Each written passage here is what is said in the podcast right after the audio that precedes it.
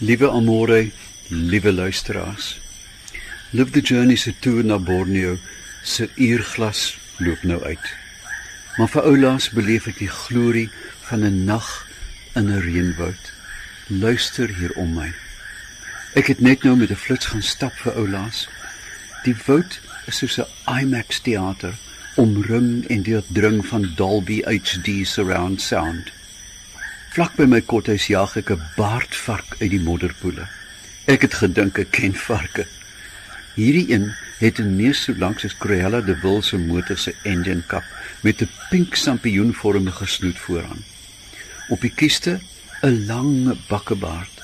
Gaan kyk gerus op my Facebookblad by duifpeppler.co.za waar ek foto's van hierdie dier geplaas het.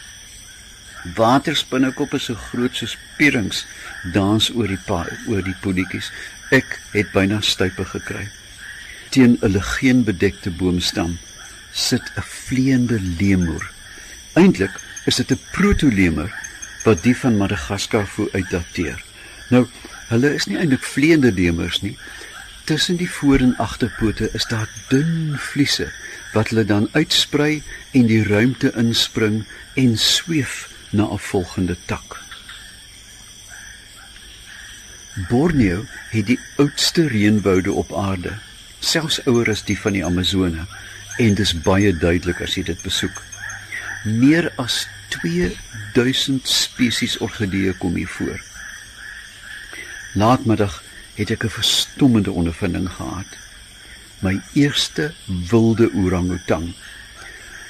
Ons het dit gesien naby Sandakan in 'n rehabilitasiesentrum 400 hektaar met 'n klomp daarin waar hulle heel normaal beweeg, maar om teen 'n rivier op te ry, dit lyk byna soos die stel van Apocalypse Now. En hierdie absoluut vrye orangutang te sien, was een van die aangrypendste tonele van my lewe. Maar nog meer merkwaardig was my eerste ontmoeting met Borneo se beroemde neusaap Dis 'n groot ding, byna so groot soos 'n klein sjimpansee en die mannetjies het hierdie vleesagtige neus wat loshang oor hulle bekke. Dit is die komieklikste ding op aarde. En dan is daar makaks en langoers, rats in die takke, byna soos 'n eie blou ape.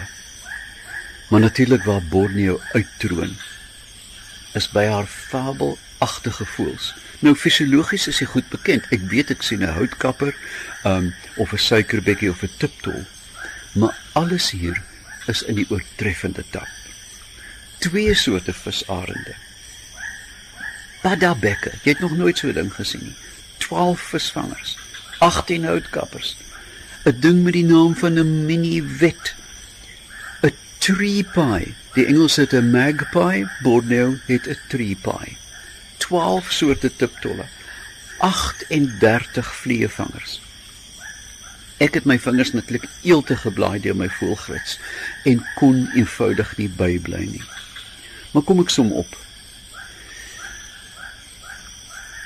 Ek het die aarde al plat gereis en vele vele plekke besoek en veral ook reënwoude. Maar Borneo het my egter heeltyd aangegryp my aandag deurlopend opgeëis. Dis baie moeilik om hier te slaap want die glorie van die dag word eenvoudig met die glorie van die nag vervang. Borneo is nou in my bloed soos 'n virus. In geen dopa gaan dit uitkry nie. Ek neem swaar afskeid van hierdie paradys. Ek neem swaar afskeid want die paradys is ook gekneus soos ek in vorige week se vertelling gesê het, die boude word afgekap, palmolieplantasies word geplant, maar tog glad nie soos in die geval van Madagaskar nie, is hier nog reuse boude oor en hier is nog orangutangs wat wild rondloop en maar veral 620 spesies van voëls wat soos juwele voor jou dans. Ek weet ek gaan terugkom. Inteendeel, ek moet terugkom om verder te verken uit die woude van Borneo. 'n Goeiemiddag aan jou Amore. 'n Goeiemiddag aan Marieta en aan die luisteraars. Volgende week praat ek weer uit my klein huisie in Stellenbosch. Totsiens.